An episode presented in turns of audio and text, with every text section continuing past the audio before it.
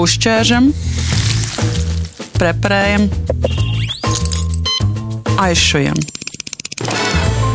Tāda ir mēdija anatomija.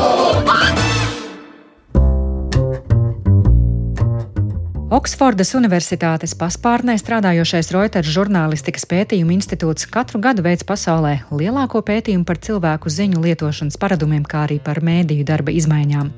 Pētījumam gan ir limiti, piemēram, tas neaptver Krievijas un Ķīnas mēdījus, un mazā tirgus dēļ arī nenotiek Baltijas valstīs. Tomēr tas jau kopš 2006. gada pēta tendences un jaunumus mēdīju vidē visos kontinentos. Mēdīju anatomijā šonadēļ saruna ar vienu no pētījuma autoriem uzņēmējiem un digitālo stratēģi Niku Ņūmanu. Ar viņu sarunājās Zane Ozoliņa. Do you find that people still need the news? Do they trust the news in 20 now 2024, but did, did they in 2023? I think that journalists uh, look around the world and what's happening in terms of the uncertainties, political uncertainties, economic uncertainties, and take the view that um, journalism has never been more important.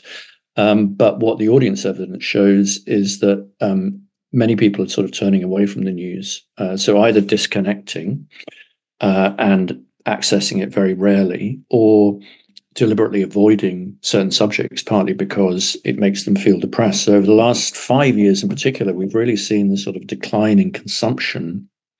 Your survey covers a lot of territories, like almost uh, all the world, all the continents. Um, how do you describe the picture there um, where people still trust journalists and journalism and when there are some worrying um, trends? And what we've seen is a mixed picture, but in in large countries, particularly countries where you've got more polarized politics, like the United States, United Kingdom, France, you know, big countries where we've really seen divisions open up on culture, on on politics, we've seen a decline in trust, a very significant decline in trust in almost all those countries. In a few countries where there are, um, particularly in in sort of North Europe uh, and Nordic countries. So Finland uh, traditionally always comes out top for news trust. We haven't seen those same declines. Um, and it's been pretty stable actually over the last 10 years. So it's not happening everywhere. And it's quite interesting to look at where trust is declining, where it isn't. And it very much is tied in with these sort of really divisive debates that are going on around uh, culture and politics.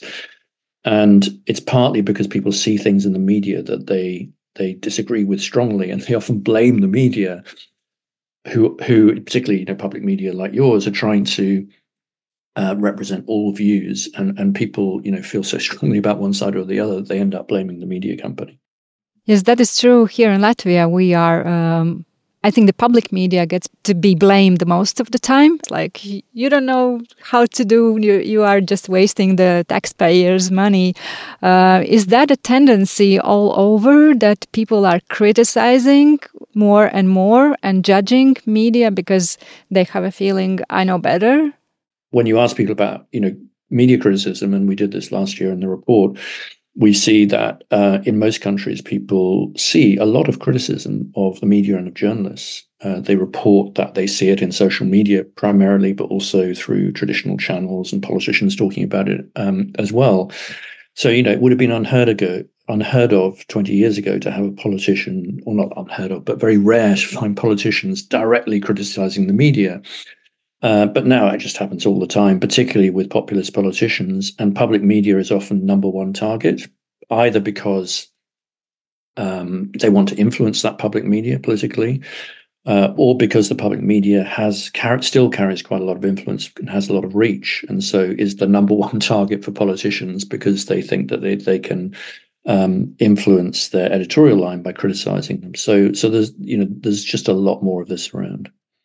Recently, there was an alarming article on the New York Times, which has um, uh, they had um, data about all the elections happening this year, and they would say that it's going to change the world. That is uh, like we will wake up in a different world because of the elections, which is partly like I don't know twenty percent of the population all over the world. Um, does this change the especially the American elections, the UK election, European Parliament, the the large scale elections, do they have um, an impact on how media work and how people are seeing the news? Yes, I mean, there's been a lot written about this because, as you say, there are a lot of elections. I think 40 really significant national elections in some of the largest countries in the world this year US, India, Indonesia, um, European elections, as you say. I think it's going to be really interesting because what we've seen in our survey is declining interest in in politics and people actually feeling that politics is not and politicians and what they do is not so relevant that national politicians can't necessarily change these big questions like climate change. Um, you know they, they have less power than we thought they had and so we take less interest in them. So there's lots of stuff going on there. And it will be really interesting to see whether these elections actually stimulate that interest again normally what we see is when elections come around people sort of spend a lot of time engaging with what's happening and who's going to win. But increasingly, I think we see whole parts of the population, a lot of younger people, just sort of saying it's not relevant to my life. Whoever wins, they're not going to help me. And and so I think that sense of powerlessness um, is really a challenge for politics and politicians because they are losing touch with, with with with parts of the electorate. But it's also a challenge for media companies. Part of you know the role of media is to is to be part of that democratic process you know laying out helping people to understand what the choices are in elections. That's a key part of, of, of the role of, of, of, media. And so i think it's quite existential actually. Do you see there's a, a part um, of that with the war in ukraine and now in the middle east? Because um, i know the baltics uh, wasn't part of the survey, but we have this fatigue of the news as well. And it is mostly about Ukrainian war because we were so hyped up and, uh, you know, following the news at the beginning. And now people are just tired. And also, what you mentioned, the feeling that they have no way of impacting things and they are just turning off news altogether. I think individual stories, you know, it's always been the case in a way, you know, long running stories, it's hard for the media to engage people with, you know, it's easy at the beginning because it's new and different. But when it grinds on and there's no solution, people feel powerless and, and they, they often turn away from these kind of stories. Um, and Ukraine's part of that. And I think the Middle East increasingly is becoming part of that. In our survey last year, we saw, interestingly, really interesting, that, that people in living in countries closest to Ukraine actually are seeing the biggest amount of news avoidance of Ukraine. And I think that's partly because the media companies in those countries are still doing a lot of coverage of it. And that's not matching necessarily where, where the public is on that. So it's not necessarily that people aren't interested, but it's just like it's everywhere in the media and, and people, you know, they hunger for something else, more diversity, more range of stories, you know, something else to think about. Um, and, and some of that is just sort of natural human reaction. And one aspect that you also um, pointed in the survey that people are not really anymore following uh, news outlets or media as such, but more looking for these influencers, and that is, uh, you know, driving in despair uh, media managers. Like what to do? Do we have to make all the journalism stars or are we too late in the game? Uh, what is the race here yeah it's a it's a really interesting question because to audiences it often doesn't matter where you get the news from as long as you find that person is trustworthy and so a lot of it comes out in the in the sort of individual and the personality and so we're seeing personalities becoming not necessarily more important than brands, but in some cases uh, more important than brands because those are the people that young people trust and listen to, and those are the people they find engaging. And, and this works in lots of different ways. You know, in the Ukraine war, for example, you have a lot of you know amazing academics or people who've studied Ukraine all their lives building up huge followings because they actually often know more than the journalists. So there's sort of positive and negatives from a from an information point of view. I think you know, when we talk to young people about this, they don't want journalists to behave like influencers. They want journalists to to do what journalists do. They don't. They they want them to do it maybe in a more accessible way and in a way that in a t- different tone of voice, but not to lose the values of, of, of what makes journalism different. So it, it, it's challenging. What are the trends um, in the way people are getting the news or the programs or podcasts. I found it interesting in your presentation for um, Riga that uh, the WhatsApp is top one uh, in, in a trend how to reach the audience now. Yeah, so, so I mean a number of things. So first, I mentioned already that that you know one of the big trends we've seen over the last 10 years is the decline in traditional sources. Now, that started with print, but it's increasingly um, television news and, and broadcast news. So we're really seeing an acceleration in that decline, particularly with younger users. And then within digital, the big change we've seen is the sort of the rise of alternatives to websites, really. So, and within social media, we we've seen this this shift, which started, you know, a few years ago, away from the big social networks like that everyone used, like Facebook and Twitter, for example, for news, to a much bigger range of news. And, and there's so many different options now. So, again, fragmentation and the rise of closed messaging apps like WhatsApp, where the discussions are less toxic quite often because they're with in smaller groups with people people you like. So that's one of the reasons why people have started to discuss all kinds of things within, including news within WhatsApp.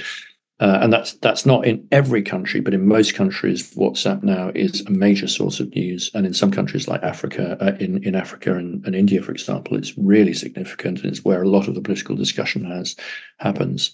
So it's not a universal picture; it's slightly different in different countries, but the general trends are moving away from these big open networks like like Facebook and Twitter into more closed environments, and then the rise of short form video networks like TikTok and um, uh, and YouTube, which is also you know focusing more on short form now, uh, is, is another sort of really interesting trend right now. It would be amazing to have easy answers. That's why I'm uh, asking about the trendsetters. But could there be um, one part of the world or America with the elections coming up, which would be in the focus of attention? Will they set the new trend? In the means of um, all the media things, including misinformation? There is no silver bullet. There's no single answer, and it and it almost certainly won't come out of the United States, or at least what's appropriate in the United States context won't necessarily work in a Latvian context or or in a you know Norwegian context or whatever. Um, I think there's lots we can learn from from the US, and obviously that is where a lot of the innovation is happening in artificial intelligence and in in um, you know news business models. But to be honest, I think um, particularly for small countries, as much of the learning can come from looking at Norway or Sweden or other countries which which are also hugely entrepreneurial, very ahead in terms of using new technologies like AI to make content more relevant and are probably more relevant in terms of the business models because they're about small markets rather than large markets. And it's very hard to apply something that works in the US necessarily to Latvia directly. Speaking of uh, the business models, is it still relevant to think about media as a source of uh, successful income to invest in it? I think I, uh, if you if you sort of take a historical perspective on this, you know, news was never necessarily that profitable if you go back a long way. And it, was often just a way in which um, uh, powerful people could get could get influence was owning a newspaper. you know that that was that, and, and then you you had this sort of golden period where news suddenly, because of the monopolistic way in which you know it was very expensive to own printing presses and do the distribution, actually. Um, news was extremely profitable for a long time, both television news and um, and print. And then the internet arrived and created all this new competition and this idea that news should be free and should not be paid for. And so you've had this massive plunge in in profits in most parts of the world. And what we're really trying to do, or publishers are trying to do, is to rebuild business models for this new world, a world of abundance where you have to create something that's distinctive of value to users and increasingly you know sell it directly to those readers through subscription or membership. Uh, or some combination of that and advertising and events and, and a range of different business models. So that's where we are and i think a lot of um, you know publishers like new york times and, and other sort of particularly upmarket publishers have found quite a lot of success with that and i think have a clear path to the future i think that a lot of mid-market old style newspapers based on on how things worked in the past are really struggling and are, and are going to continue to struggle, and a lot of um, local news is going to struggle too. So we we haven't found the answers to what the business models are going to be for a lot of independent local journalism, for example. I have a little bit personal question to you because you have been um, the head of the product development at the BBC, and uh, you were there where um, they were making the news website, right? C can you compare those two um, milestones with what's happening now? Uh, was it easier to predict then? I think it, it, it's very hard to predict the future. And certainly, we launched the BBC News website in 1997. And most of my colleagues thought we were mad and it would never work. It would be a flash in the pan, that it was going nowhere. It took probably five years for the rest of the organization to take this seriously and see that digital was going to be an important part of the future. And now, of course, the narrative is really leaning into digital first or even um, a world where digital is not even mentioned. It's just taken as read that when you're creating linear video, it's going to be digital at its heart and digital distribution is going to be at the heart. So the world has completely changed in 25 years. Having said that, I do think the sort of long term trends are often much clearer than we think. Uh, so, you know, the long-term trend to, you know, direct payment, for example, as an important business model, the long-term trend towards um, mobile, the long-term trends right now towards, you know, the disruption of artificial intelligence. So we know what the challenges are. Actually, knowing how you how you respond to those things, um, you know, requires a, a, lot of thought because the world is much more fragmented. Audience behaviors are, are, are much more fragmented and hard to predict. Are you looking at how artificial intelligence is going to disrupt the media business models? Yeah, I think it's the thing that I'm asked to talk about at, at media conferences most. I mean, if you go to any media conference, it's all about how is artificial intelligence going to going to disrupt. What I've learned is that uh, we um, we tend to underestimate the long term effects and overestimate the short term effects. So people, you know, it's not going to happen immediately. It's going to be quite slow. Audiences are going to take a time to to adapt to these things anyway. Um, but the technology is here today to allow you to, um, you know, to write stories in new ways, to use artificial intelligence to summarize things or to simplify your your production processes. And media companies are already, you know, embracing this um, as our as our you know platforms. So the platform environment is going to change ordinary people are going to do it faster. So this is why we're going to have this flood of synthetic content more generally affecting misinformation. And much of that won't come from media companies. It'll come from from ordinary people who now have access to these amazingly powerful t- t- tools. You know, you mentioned the ordinary people that uh, media are not moving fast enough for uh, ordinary people, and like so, uh, media journalists and owners just have to become ordinary people to uh, to win this game? I think it's a mixture. I think you don't necessarily have to be first, but you have to you have to mix, you know, what it is that is valuable about the heritage and the, the vision, which is probably still going to be relevant in the future. Audience behavior is changing really fast, and traditional media companies are really slow at making that change. Um, when we started the BBC News website, it was set up as a startup uh, essentially 30 people in a loft, and we had very little contact with the rest of the organization. It was deliberately set up that way so we could disrupt the culture. Otherwise, the culture of the BBC and of television and radio would have taken it over and smothered. What we needed to create was new ways of telling stories. And so for five years, we were able to be, you know, digital creatives, if you like, and to break all the rules. And uh, you know, and only now is all that being absorbed into in, in, into the sort of the the core and i think that's that's a really important lesson that sometimes you need to break the rules and bring different people in and have more diversity in your in your staffing to really be able to make the change that you need to make Dzirdējāt sarunu ar Niku Ņūmanu, Reuters žurnālistikas pētījuma institūta pētnieku un digitālo stratēģi. Radījuma mēdīju anatomija veidoja Zane Ozoliņa un Reinis Budze. Uzķēršam, preparējam, aizšujam. Tāda ir mēdīņa anatomija.